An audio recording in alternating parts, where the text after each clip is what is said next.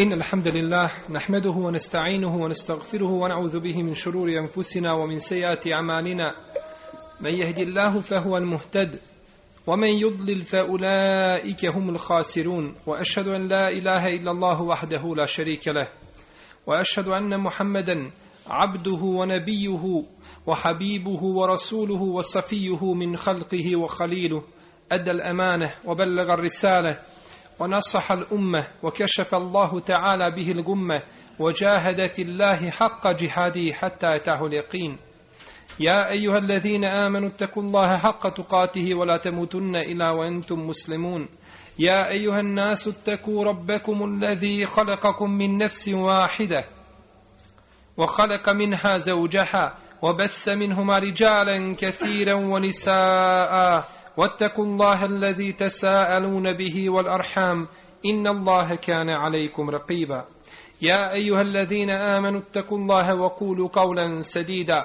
يصلح لكم أعمالكم ويغفر لكم ذنوبكم. ومن يطع الله ورسوله فقد فاز فوزا عظيما.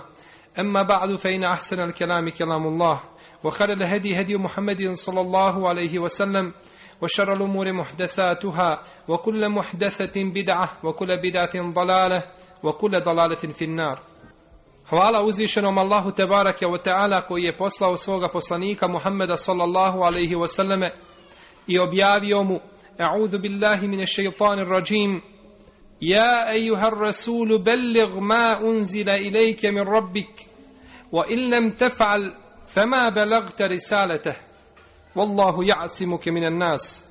Inna Allahe la jehdi l'qawme l'kafirin. O vjerovjesniče prenosi i dostavljaj ono što ti se objavljuje od tvoga uzvišenog gospodara te barake o ta'ala. A ako tako ne učiniš ti nisi u istinu dostavio poslanicu. Nisi ljudima prenio ono s čime te je Allah Đelešanu zadužio. A Allah neće nikada na pravi put nevjernički narod uputiti bileži imam Buharija u svome sahihu od Aisha radijallahu ta'ala anha da je kazala ko vam kaže da poslanik sallallahu alaihi wasallam nije prenio nešto od risaleta i od poslanice, znajte da je slagao. Znajte da je neistinu rekao. Jer da je tako nešto bilo, onda poslanik sallallahu alaihi wasallam prvi bi ovaj ajet koga smo citirali, njega bi prvog sakrio i prikrio. A to je nemoguće bilo. Svi poslanici koje je Allah te barake o ta'ala poslao su dosljedno i doslovno prenijeli ono čime ih je obavezao uzvišeni gospodar Tebareke o Teala. Naš poslanik Muhammed sallallahu alaihi wasallam je najbolji poslanik, najodabraniji vjerovjesnik, kod Allaha Tebareke o Teala najpriznatije stvorenje koje je ikada kročilo zemaljskom kuglom. Bolji i od najbližih i od najbliskijih Allahu Tebareke o Teala meleka. Najbolje stvorenje znači koje se je pojavilo i koje je kročilo po zemaljskoj površini. Na osnovu njegovih dijela važu se ljudska dijela. A na osnovu njegovih riječi važu se ljudske riječi. Naredio nam je uzvišeni Allah te barak je o ta'ala da ga slijedimo u velikom i malom. Pa kaže uzvišeni لقد كان لكم في رسول الله أسوة حسنة لمن كان يرجو الله واليوم الآخر Vi u vašem poslaniku imate divan uzor koji očekuju od svoga plemenitog gospodara za vođel obilnu nagradu na sudnjem danu.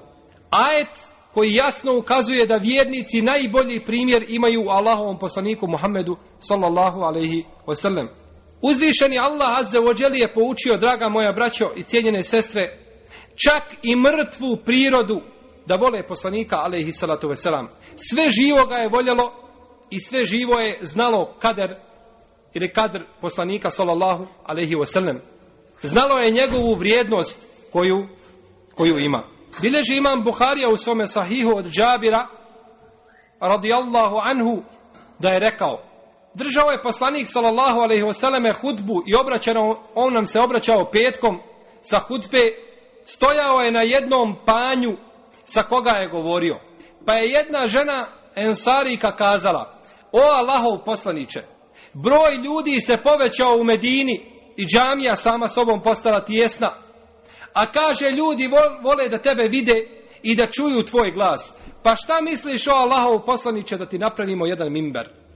Da ti napravimo jedno uzvišeno mjesto na kome ćeš stajati. Pa su mu napravili mimber sa tri stepenice kako bilježi imam hakim u svome ustadeku. Napravili su mu mimber sa tri stepenice. U ovome hadisu stoji, u ovoj verziji hadisa stoji da je nakon toga ovaj panj sa koga je poslanik sallallahu alejhi ve držao svojim ashabima hutbu plakao i jecao kao što plače malo dijete. Plakao i jecao tako da su ga ashabi čuli. Čuli su plać. Čuli su plać toga panja. Pa je prišao poslanik sallallahu alejhi ve i zagrlio taj panj svojim rukama, pa je panj ušutao. I rekao je Allahov vjerovjesnik alejhi salatu vesselam, kaže tako mi Allaha da to nisam učinio, kaže vidjeli bi ga do sudnjega dana kako jeca. Do sudnjega dana bi taj panj jecao i ne bi znači nikada ne bi nikada zaustavio svoj plać. U jednoj predaji koju je zabilježio ima Ahmed u svome musnedu stoji da je ovaj panj rikao kao što vo riče od plaća. Znači, rikao i plakao gromkim jednim glasom, žaleći za poslanikom sallallahu alaihi wasallame, koji sada hutpu drži i koji se obraća svojima sahabima sa jednog mimbera. U jednoj vjerodostojnoj predaji stoji da je poslanik sallallahu alaihi wasallam rekao ome panju. Obraća se poslanik sallallahu wasallam i govori sa mrtvom prirodom. Mrtva priroda razgovara sa Allahovim vjerovjesnikom sallallahu wasallam. Pa mu rekao, kaže, ako hoćeš učinit ćete Allah Đelešanu da budeš jedno od džennetskih drveća. Ako želiš, Allah će te učiniti da budeš drvo u džennetu. A ako želiš, mi ćemo te pohraniti ili ukopati u jednu zemlju, pa ćeš, kaže, izniknuti i davat ćeš, kaže, obilne plodove, pa će ljudi jesti od tvojih plodova i koristit će se muslimani tvojim plodovima. Šta želiš više? Pa je rekao, belil dženne, ne kaže, hoću, kaže, džennet. Hoću džennet. Pa neka vjernici znaju, inša Allahu Teala, oni koji nisu uspjeli vidjeti taj panj na ovome svijetu, nisu bili ashabi poslanika sallallahu alaihi vseleme, inša Allahu Teala, ako budu slijedili sunet Allahovog poslanika sallallahu alaihi vseleme, širili ga među ljudima, bit će ako Bog da od onih koji će vidjeti taj panj u džennetu. Mi vjerujemo u ovaj hadis kao što vjerujemo u, jedno, u jedan kuranski ajet. Vjerujemo da se to desilo, da je panj plakao, da se poslanik sallallahu sallam obraćao panju i da je razgovarao, razgovarao sa njim. I kaže šehhul islam ibn Kethir u svome dijelu El bidaje on nihaje da je ovaj da je ovaj hadis mutevatir. Da je hadis ovaj mutevatir. A mutevatir hadis znači da ga prenosi skupina prenosioca u svakoj generaciji da je nemoguće da se oni dogovore na laži i na neistinu. Znači mora se vjerovati. Onaj ko porekne mutevatir hadis izlazi iz islama. Po konsensusu islamskih učenjaka svih. Kao ajet. Jer je ajet mutevatir. Pa ko bi porekao ajet ili ko porekao hadis koji je mutevatir, liči onome isti je kao onaj koji porekne jedan ajet. A ko porekne jedan ajet, nema sumnje da se ne može zvati muslimanu. Kaže El Mubarek ibn Fudale, kaže da je Hasan al Basri govorio, kada bi spomenuo ovaj hadis, kaže, Ibad Allah, inne džiza šeđarati jehinnu šaukan li nebiji sallallahu alaihi wasallame, fa entume haku en teštaku li Rasulillah sallallahu alaihi wasallame. Kaže, o Allahovi robovi, panj jednog drveta plaće i žali za poslanikom sallallahu alaihi wasallame. Pa o ljudi, kaže, vi ste preči da plaćete i da žalite. Što vi niste vidjeli Allahovog poslanika sallallahu alaihi wasallame. Vi ste preči da plaćete. Jer je Allah Želešanu poslao našeg poslanika sallallahu alaihi wasallame svim ljudima da ih opomene, a nije ga poslao toj mrtvoj, znači, prirodi. No međutim, pored toga, ta mrtva priroda žali za Allahovim vjerovjesnikom, alaihi salatu wasallam. Kako ne bismo žalili za Allahovim poslanikom sallallahu alejhi ve selleme kada je on kazao u hadisu koga bilježi ima muslim u svome sahihu kaže poželio sam da vidim svoju braću pa su ashabi upitali poslanika, ali salatu wasalam, a zar mi, kaže, nismo tvoja braća, o Allahu vjerovjesniče? Zar mi nismo tvoja braća? Ko su to tvoja braća? Kaže, ne, kaže, vi ste moji ashabi. Vi ste moji ashabi moji drugovi.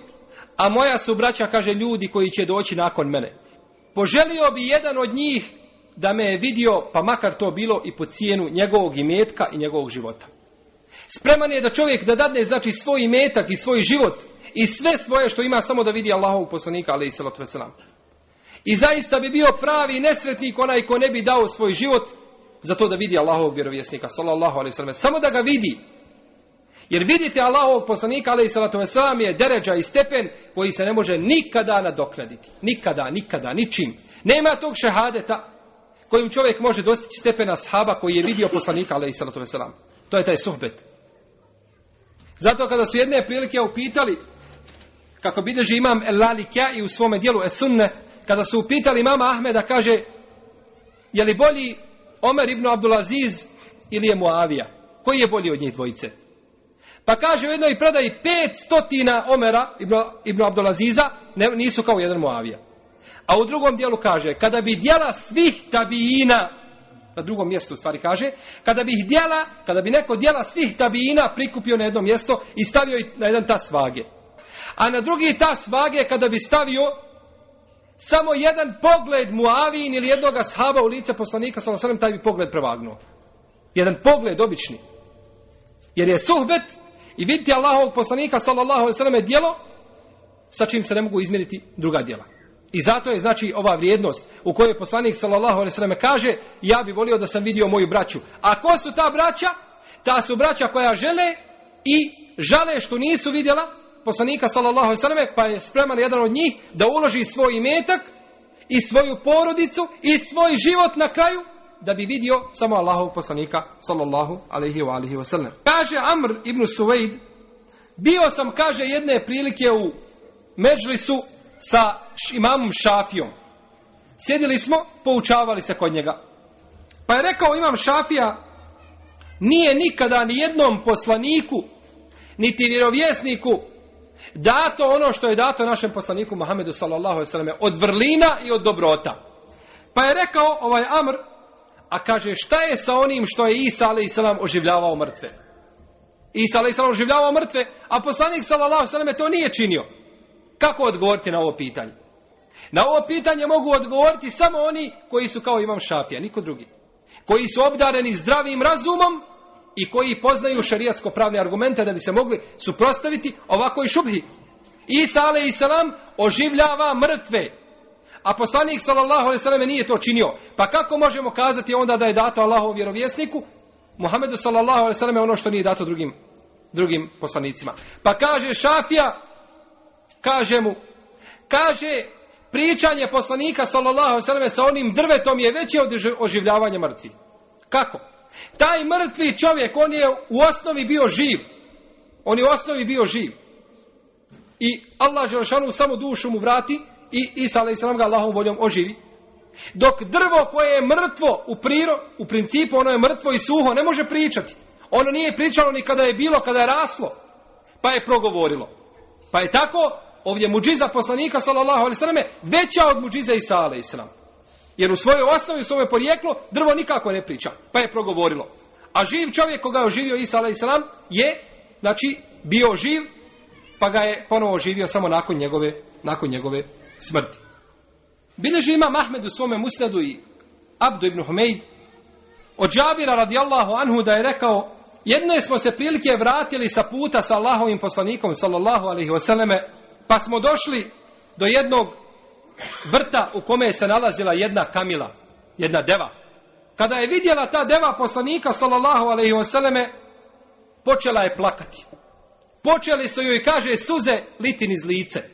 Pa je prišla poslaniku, sallallahu alaihi wasallame, pa je zavezao i vratio je ponovo njenom vlasniku. I rekao, nema ništa što je između nebesa i zemlje, a da ne zna da sam ja Allahov poslanik.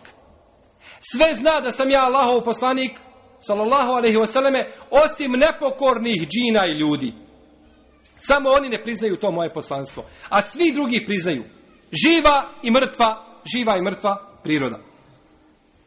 Zato nije čudno da nađemo, braćo, jedan panj, jedan trup da plače kada ga napusti Allahu poslanik sallallahu alaihi wasallam.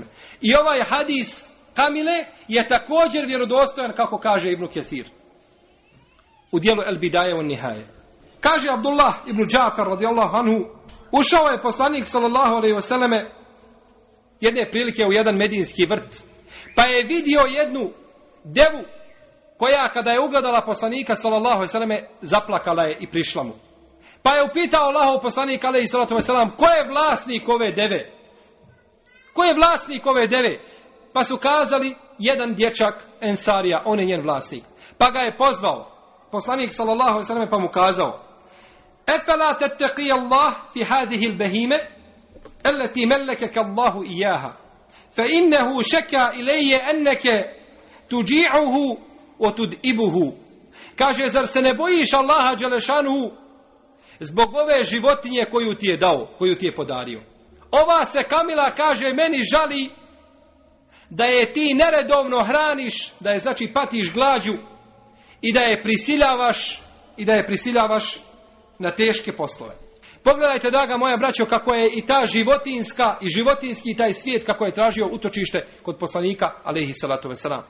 Sve ga je voljelo. To je samo potvrda riječi Allaha te barake o teala koji kaže وَمَا أَرْسَلْنَاكَ إِلَّا رَحْمَةً لِلْعَالَمِينَ A mi te nismo postali osim kao milost lil alemin svim svjetovima i ljudskim, i džinskim, i životinskim, mrtva i nemrtva priroda i sve drugo osjetilo je ljubav i milost poslanika sallallahu alaihi wa alihi wa sallam. I bilježi imam Ahmed i Al-Bezar sa dobrim lancem prenosilaca, kako kaže Ibnul Munzir i šejh Albani i drugi, da su neke ensarije došle kod poslanika alaihi salatu wasalam i kazale, o Allahu poslaniće kaže imamo devu. Imamo devu, kaže, kojoj niko ne može prići. Ne da se znači staviti u opremu pa da radi. A kaže, naše se zemljište počelo sušiti i naše palme moramo to navodnjavati i zalijevati. Pa je Allahov poslanik alejhi salatu došao kod te deve pa su kazali nemoj kaže ulaziti kod nje. Kaže fe innehu aspaha mislel kelbil kelib. Kaže postala je ta deva kao pobjesneli pas. Ne da sebi prići. Ne može joj, kaže, niko prići. Pa kada je poslanik sallallahu alejhi ve pošao, kazao je: "Lejse alejje minhu ba'sun." Kaže ne smeta i ne bojite se vi za mene. Ne bojite se vi za mene. Pa kada je ušao kod te deve, kada ga je vidjela deva, kada je vidjela poslanika sallallahu alejhi ve pala je na sećdu. Pala poslaniku sallallahu alejhi ve na sećdu. I svi ovi hadisi koji govore o poslaniku sallallahu alejhi i devi i panju koga smo spominjali su mutevatir kako kaže kako kaže Ibn Kesir. Pa je poslanik sallallahu alejhi ve nakon toga prišao toj devi, zavezao je i ponovo je vratio da radi. Pa su kazali ashabi o Allahov poslanice Deva tebi čini seždu. Pa mi smo, kaže, preći da tebi padnemo na seždu. Zbog čega i mi da ti ne padnemo na seždu. Pa je kazao Allahov poslanik sallallahu alejhi ve da sam nekome naredio da učini seždu nekome, onda bih naredio da žena učini seždu svome mužu zbog veličine prava koju ima nad njom. Ali nije poslanik alejhi salatu vesselam dozvolio da njemu neko učini seždu, niti žena mužu, niti bilo ko od stvorenja kome čini seždu. Sežda se jedino čini uzvišenom Allahu te barake ve taala.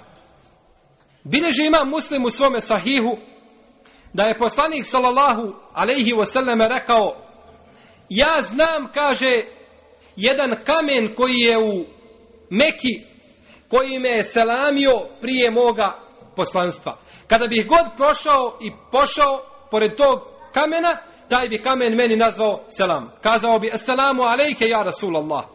Svaki put bi mu nazvao, svaki put bi mu nazvao selam. U jednoj se predaj kaže, esma'ahu bi uzuni.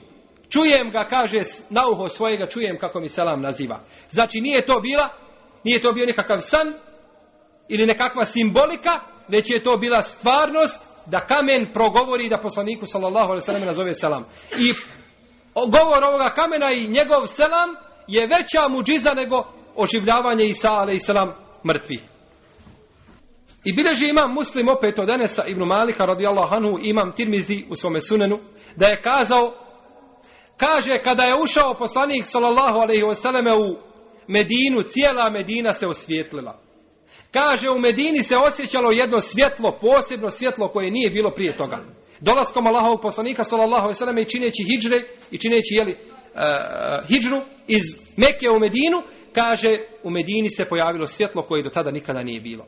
A kaže tako mi Allaha kada je umro poslanik sallallahu selleme kaže Medinom je kaže bio u Medini je bio mrak. Nestalo je onoga svjetla koje je bilo u Medini dok je bio poslanik vesselam i to su svi ashabi i to su svi ashabi primijetili. A kaže tako mi Allaha kada je umro poslanik sallallahu alejhi ve selleme kaže Medinom je, kaže, bio, u Medini je bio mrak. Nestalo je onoga svjetla koje je bilo u Medini dok je bio poslanik, ali i salatu wasalam. I to su svi ashabi, i to su svi ashabi primijetili. Jedne prilike, jedna židovkinja je ispekla ovčetinu i dala poslaniku, sallallahu alaihi sallam, prednju plečku da jede. I znala je da, da Allahov poslanik, ali i salatu wasalam, voli plečku. Znala je to, pa je napravila, znači, to pečenje i pomiješala otrova u meso i dala Allahom poslaniku sallallahu ugostila ga da jede. Pa prije nego što će početi Allahov poslanik sallallahu selleme jesti, ta plečka je progovorila i kazala Allahom poslaniku da ne jede to, da je to plečka koja je zatrovana, u kojoj ima otrova. Plečka progovorila i to je veći dokaz nego što je Isa selam oživljavao mrtve. Jer plečka ovca u svojoj prirodi i u svojoj za vrijeme svoga života ne govori ali je ipak progovorila. I sve je to, draga moja braćo, iz ljubavi prema poslaniku, sallallahu alaihi wa alihi wa sallam. Zato su ashabi, ta najbolja generacija, najviše su voljeli i priznavali poslanika, sallallahu alaihi wa sallame. Voljeli ga više od samih sebe. Bileži imam Buharija, da je Omer radijallahu ta'ala anhu jednoga dana rekao, o Allahov poslaniće, ja te kaže volim više od svega na dunjaluku, osim od samoga sebe. Jedino sam sam sebi preći, a volim te više od svega drugoga. Pa je kazao poslanik alaih sallatu wasalam, ne o omere, ne o omere dok ti ne budem ja draži od tebe samoga. Pa je kazao Omer radijallahu anhu čuši te riječi, istoga momenta kaže, o Allahu poslaniće, tako mi Allaha, ti si mi draži od mene samoga. Kaže mu onda Allahov vjerovjesnik, alaih sallatu wasalam, al ane ja Omer, E jeste sada o mene. Sada si ti svoj iman upotpunio i ti si sada pravi mu'min. Pravi vjernik. Jer čovjek koji bi volio sebe ili svoje dijete ili svoju majku ili svoga oca više od poslanika sallallahu alejhi imao bi imao bi krnjav krnjav iman. Bileže Buharija i Muslim od Anasa ibn Malika radijallahu anhu da je rekao kaže poslanik alejhi salatu vesselam La yu'minu ahadukum hatta akune ehabbe ilaihi min walidihi wa waladihi wa nasi ejma'in. Ne vjeruje niko od vas istinskim i pravim imanom dok mu ja ne budem draži od njegovog oca i od njegovog djeteta i od svih ljudi. Otac i djete to je ono što se najviše voli. I od svih ljudi, svih drugih ljudi. Ako bude neko draži, onda nema, la znači ovdje nema potpunog i pravog imana nema potpunog i pravog imana, njegov iman, njegov iman je krnjav. Bileži imam Buharija opet od Enesa ibn Malika, da je jedan čovjek došao poslaniku sallallahu alaihi wasallam i rekao mu, kada će sudnji dan o Allahov poslaniče? Pa je poslanik sallallahu alaihi wasallam upitao, šta si ti to pripremio za sudnji dan? Šta si ti to pripremio? U istinu ljude ne treba da zanima kada će nastupiti sudnji dan. Treba da se priprema za sudnji dan. Pa kaže šta si ti to pripremio za sudnji dan? Postavlja mu poslanik sallallahu sallam i poučava ga šta da pita i kako da pita. I o čemu da povede računa. Ako će sudnji dan sutradan nastupiti, ako nisi za njega ništa pripremio, ništa ti ne koristiš što, što znaš. A ako si za njega pripremio, zad i kada god da nastupi, ti si spreman, inša Allahu da Allahovom milošću položiš svoj račun. Pa kaže šta si ti pripremio? Kaže nisam ništa, o Allahov poslaniće, osim to što volim Allaha Đelešanu i poslanika. Pa je kazao poslanik sallallahu sallam, ti ćeš na sudnjem danu, odnosno u džennetu biti sa onim koga voliš. Bićeš u džennetu sa onim koga voliš. To jeste vidješ, bit ćeš sa poslanikom sallallahu alaihi sallam i njegovim, i njegovim ashabima. U jednoj se predaji navodi da je rekao, kaže ja nisam, kaže, pripremio Allahov poslaniće Nemam ni puno namaza, ni puno posta, ni puno zekijata, ni puno sadake. ali tako mi Allaha, kaže, volim Allaha i poslanika. Pa je kazao poslanik, sallallahu alaihi sallame, čovjek će biti u džennetu sa onim koga voli. Kaže Enes ibn Malik, kad je čuo ove riječi, kaže, tako mi Allaha, kaže, nisam se ničemu nakon toga više obradovao. Kaže, a ja volim poslanika sallallahu selleme i volim Ebu Bekra i volim Omera. I molim Allaha dželešanu kaže da budem u džennetu sa poslanikom alejhi salatu vesselam, Ebu Bekrom i Omerom, iako moja djela nisu dostigla njihova djela. Iako ja ne činim ono što su oni činili. Ko može činiti ono što je Ebu Bekr činio? Na sabahu Ebu Bekr radio skupinu dijela. Obišao bolesnika, klanjao dženazu, dao sadaku i tako dalje. Prije sabah namaza poslanik sallallahu alejhi pita ko je to sve uradio? Kaže ja. Kaže Allahov vjerovjesnik alejhi salatu vesselam, neće se spojiti kod čovjeka a da ga Allah žao neće uvesti u džennet. Prije sabaha da se toliko dijela, toliko dijela uradi. Ne možemo dostići njihova dijela, ali možemo raditi koliko možemo i truditi se sve od sebe uložiti i onda očekivati da budemo od onih što kaže poslanik sallallahu selleme, čovjek će biti u džennetu sa onim koga voli. Biće u džennetu sa onim koga voli. Kaže Safwan ibn Kudame, došao sam kod poslanika sallallahu alejhi ve selleme i pružio svoju ruku, hoću da mu dam prisegu. Pa kada je Allahov poslanik alejhi salatu ve selam pružio svoju ruku, kaže počeo sam ga ljubiti. Počeo sam ga kaže ljubiti u ruku. Pa je kazao poslanik sallallahu alejhi ve selleme šta ti je o Safvane? Šta ti je zbog čega ljubiš moju ruku? Kaže volim te o Allahov poslanice. Tako mi Allaha ja te volim. Pa je rekao Allahov poslanik alejhi salatu ve selam čovjek će biti u džennetu sa onim koga voli. Čovjek će biti u džennetu sa onim koga voli.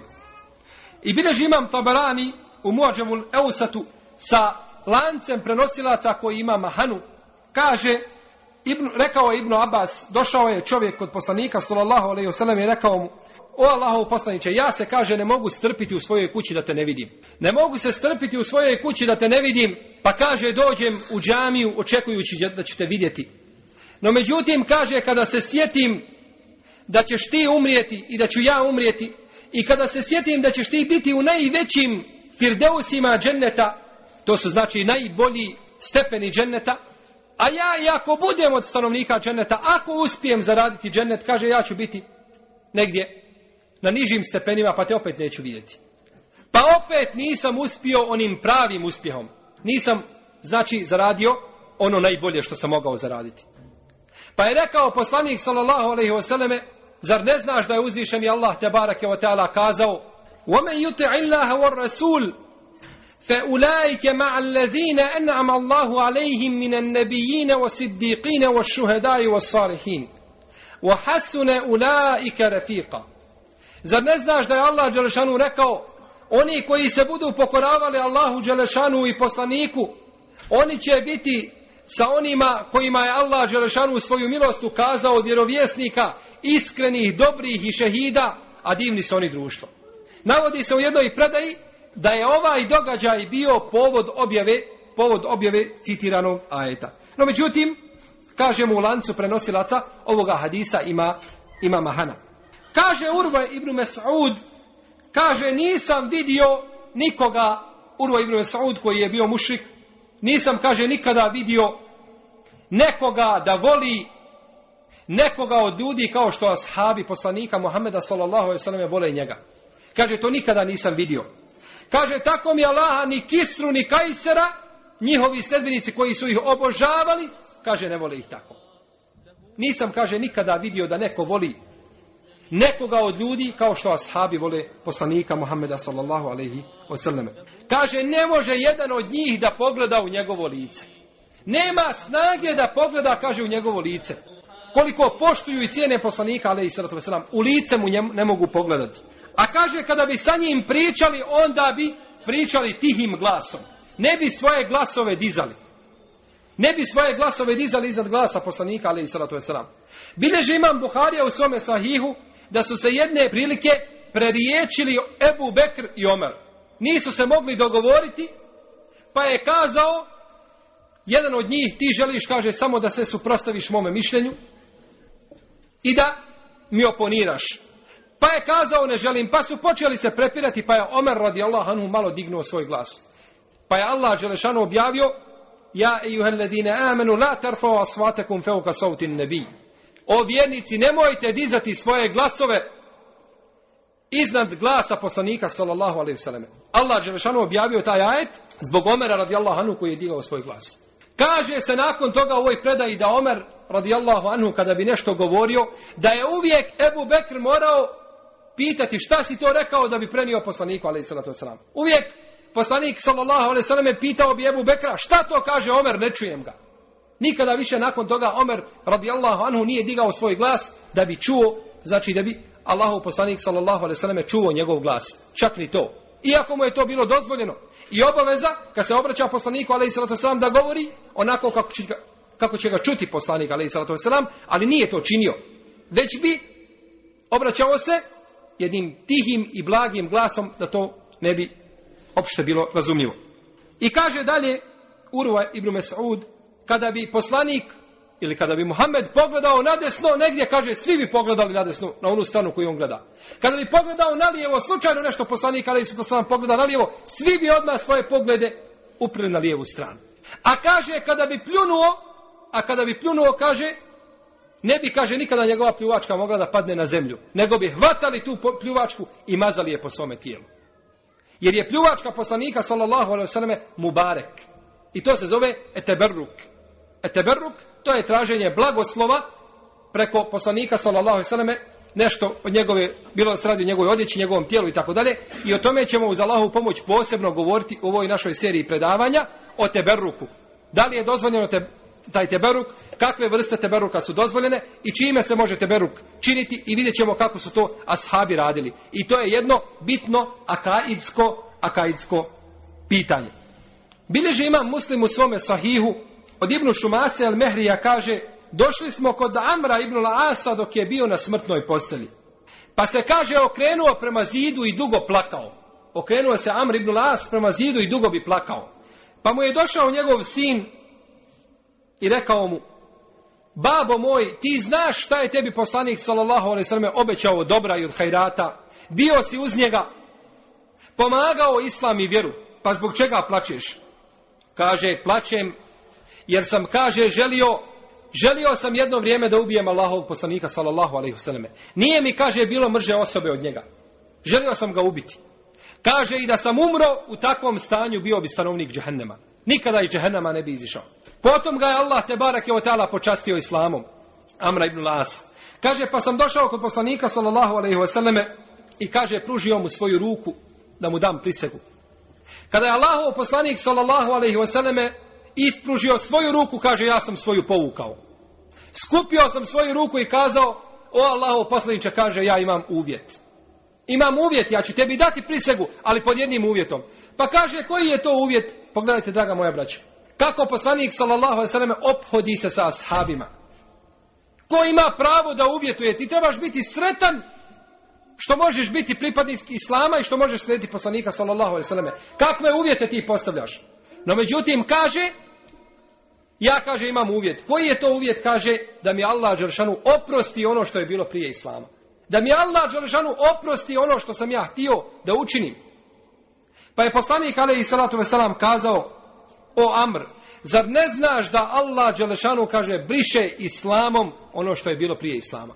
Islam briše ono što je prije Islama. Islam briše ono što je prije Islama i hijđra briše ono što je prije hijđre. I hađ briše ono što je također prije hađa, kako se navodi u vjerodostojnim hadisima.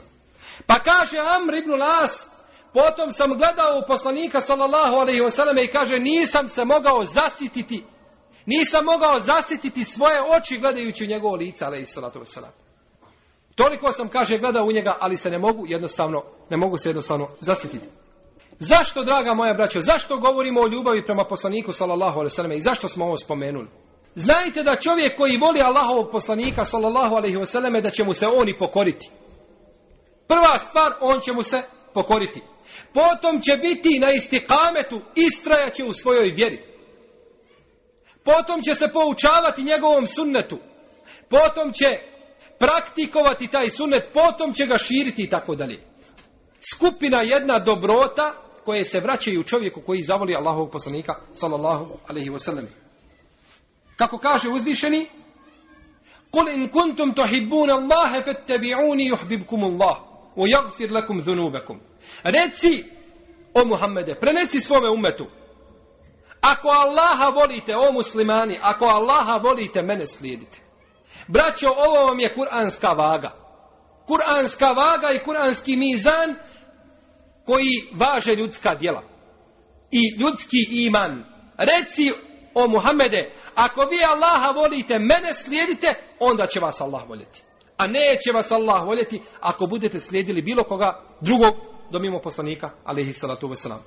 Zato obaveza je svakom muslimanu kada čuje da je nešto od sunneta, da se pokori tome. Bez razmišljanja. Jedino je sunnet i jedino su riječi poslanika sallallahu alaihi sallam te koje su neprikosnovene. Mora se čovjek pokoriti i mora se povinovati i mora biti zadovoljen sa poslanikom sallallahu alaihi wasallam odredbom. Bilo da se radi o velikom ili malom.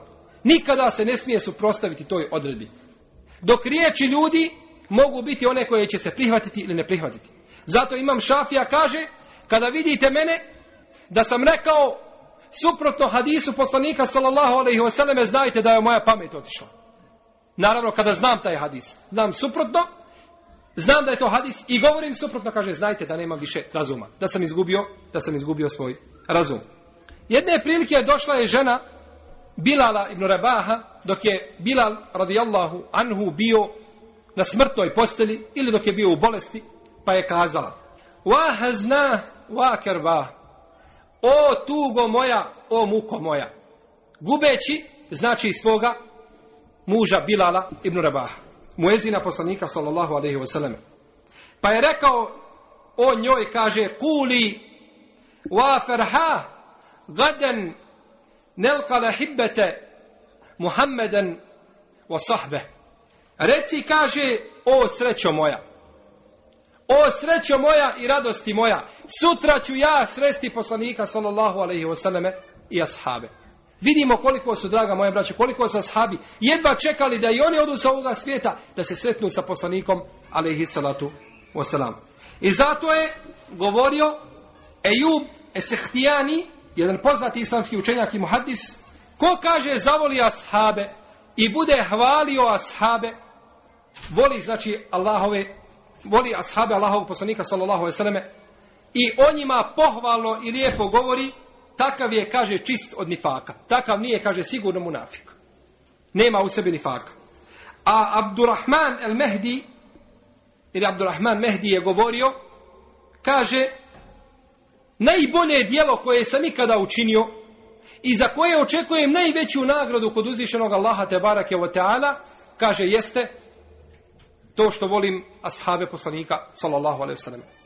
Jer onaj ko voli ashabe, braće, voli i poslanika, alaihi sallatu wasallam. Voli njih zbog toga što su pomogli Allahovog poslanika. A onaj ko voli ashabe i ko voli poslanika, alaihi sallatu wasallam, nema sumnje da će biti u njihovom društvu ako bude činio ili ako bude činio nešto od onoga što su oni, što su oni činili.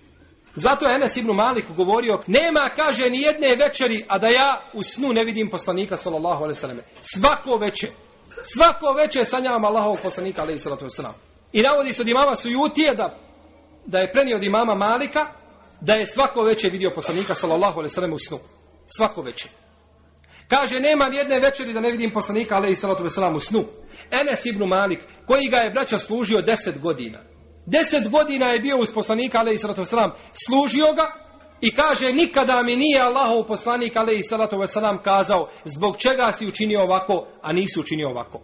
Zbog čega si učinio to, a nisi učinio to. Kada bi neka od žena Allahovog poslanika, alaih sallatu wasalam, kazala nešto, kazao bi, ne dirajte ga i pustite ga. Navodi šehol Islam ibn Tejmije, da je Enes ibn Malik, bio uvijek uz poslanika, ali Nikada se nije razdvajao od njega. Čak kaže, kada bi išao na hađ, Enes ibn Malik bi, kaže, bio ispod deve. I prolazi je između nogu deve, kada bi deva hodala, kaže tako da se njegova pljuvačka, odnosno pljuvačka od deve, jeli? Njena pljuvačka, slijevala na leđa Enesa radijallahu anhu. Uvijek, uvijek je bio i pratio poslanika, ali i salatu. Šta mislite, draga moja braćo, da židovi ili kršćani imaju jednog čovjeka koji je služio Musa, ali, Musa, ali i salam, godinu dana. Da židovi imaju ime tog čovjeka. Ili kršćani da imaju ime čovjeka koji je samo mjesec dana bio uz Isa, ali i salam, neprestavno. Ne bi mogao proći ulicama njihovim od kipova tih ljudi. Klesali bi ga. A mi imamo čovjeka koji je deset godina služio poslanika sallallahu alaihi wasallam. Deset godina. E to je, braćo, bila generacija koju je Allah Đalšanu dao ono što nije dao nikome nakon njih. Zbog dijela koja su činili. Zbog njihove iskrene ljubavi prema poslaniku sallallahu alejhi zbog njihovog iskrenog praktikovanja ove vjere. To je njima dao. Šerijatsku islamsku državu za 20 nepunu četvrtinu stoljeća zavladati istokom i zapadom. Kod nas da bi se u naše vrijeme najsitnija reforma desila, promjena, sitnica, jedan, jedna možda treba taj vremenski period. Treba četvrt stoljeća da se nešto uradi. A Allah te barake u je toj generaciji, odabranoj generaciji dao najveću i najpravedniju državu koja je bila ikada na kugli, na kugli zemaljskoj.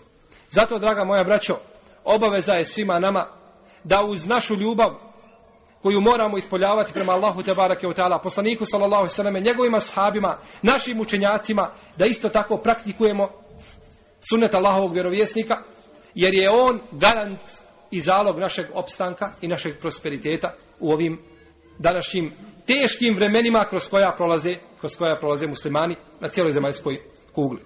Molim uzvišenog Allaha te barake od ta'ala da nas pouči našoj vjeri, da nas učini od iskrenih sljedbenika sunneta poslanika sallallahu alejhi oni koji ga znaju i rade po njemu, da ga prenosimo i širimo i da nas spoji u džennetu sa njima alejhi salatu vesselam, a u našim narednim predavanjima uz Allahu te bareke ve taala pomoć mi ćemo nastaviti govoriti o istoj temi.